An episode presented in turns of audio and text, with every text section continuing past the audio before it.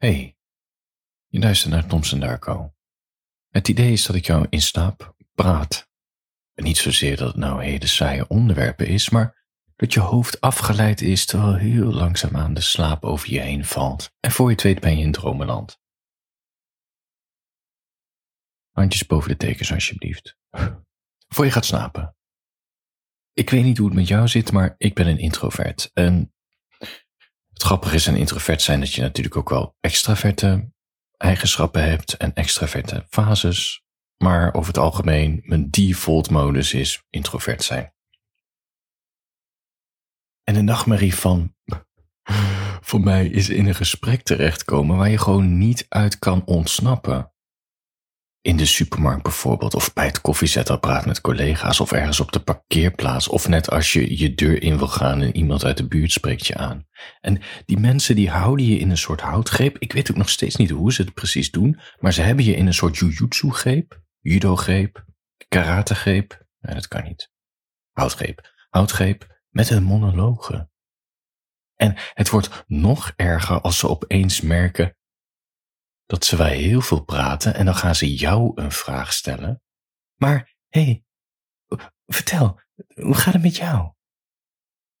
Om vervolgens je antwoord van drie zinnen knikkend te bevestigen en dan gaan ze zelf weer verder met zenden. Ja, het is een of andere manier hun energie en hun aura die mij aan de grond genageld houdt. En het is ook niet eens dat ik me heel erg erger aan de ander. Ik ben me vooral aan het ergeren aan mezelf. Dat ik zo gevangen zit tussen vriendelijk willen blijven en gewoon verder willen met wat ik zelf aan het doen was. Gewoon naar binnen gaan, boodschappen doen, afrekenen, koffie zetten, terug naar je computer, dat.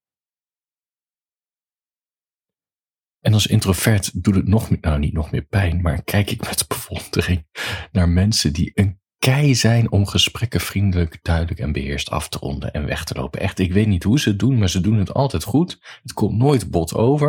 Het komt nooit gehaast over. Het komt nooit over zoals ze beledigd zijn. Ze zijn volledig in controle. Ze hebben respect voor de ander, maar vooral respect voor zichzelf. Ik niet, want ik kom altijd of te, of te bot over, of ik betrap me op leugentjes. Ik heb zo'n afspraak. Ik moet nog eten koken. Oh, sorry, maar ik moet nog wat doen en er staat eten op het fornuis en... Het is zo leeg en nietszeggend en ook allemaal niet waar en die ander moet het gewoon werken. Maar ja, vervolgens, vervolgens ga ik weer balen dat ik zo zit te liegen.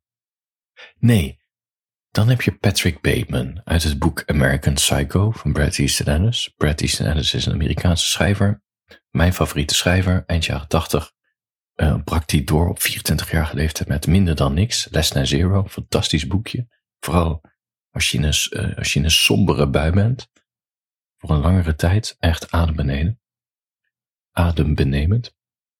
Zijn vervolg um, was de Rules of Attraction, mijn favoriete boek. En daarna brak hij echt wereldwijd door met American Psycho. Vooral omdat niemand dat boek wilde uh, publiceren omdat het te heftig was. Eén publisher durfde het aan, nou ja, de rest is geschiedenis. Hij bevestigde zijn naam als een soort enfant terrible. Bret Easton Ellis, een hele, hele bijzondere man. Um, het boek werd een bestseller. Het is later verfilmd met Christian Bale in de hoofdrol. Heel veel memes zijn ervan, dus je kent hem ook al, American Psycho. Film is trouwens heel anders dan een boek. Boek is echt heftig. Film, ja, ik weet niet. Het is wel een goede bewerking van een boek. Ze hebben er een soort eigen spin aan gegeven. Voor je gaat slapen. Het gaat over Patrick Bateman en hij is een handelaar op Wall Street en s'avonds is hij een seriemoordenaar. Vooral aan iedereen die, die zich, die, waar hij zich aan ergert, die moet dood. Weet je, collega's, irritante zwervers. Gewoon dat. Hij is heel ijdel. En hij sluit gesprekken altijd af met de legendarische zin: I have to return some videotapes. Um, sorry, maar ik ga even een filmpje terugbrengen naar de videotheek. Ja, het is ook een stuk cooler dan zeggen dat je een boek terug moet brengen naar de bibliotheek. Dat, dat zou mijn zin zijn, maar filmpje terugbrengen naar de videotheek. Ik weet niet. Video's, films, dat, dat is toch veel sexier dan een boek. En het is ook gewoon de perfecte afsluiting voor een gesprek. Want je laat zien dat je de nieuwste films aan het bekijken bent, dus je hebt culturele smaak. Bovendien zeg je, ik heb een videorecorder, wat natuurlijk top-notch, in ieder geval in die tijd was. De film, sorry, het boek speelt zich af begin jaren 90, eind jaren 80.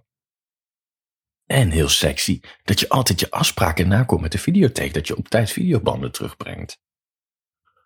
Maar ja, videobanden, die bestaan dus niet meer. Boeken wel.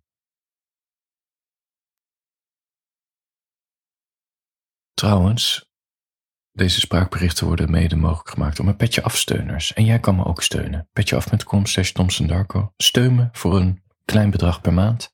Je krijgt toegang tot exclusieve afleveringen, mijn week-updates, super populair, waarin ik vertel over mijn worstelingen als kunstenaar, als melancholicus en al mijn spannende avonturen.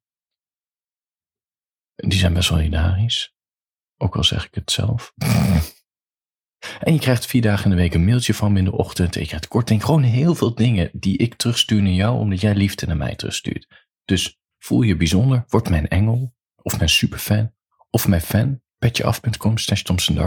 Krijg je een exclusieve feed. Die voeg je toe in je podcast app. En dan verschijnt mijn gehele archief van de afgelopen jaren. Kun je allemaal lekker terugluisteren.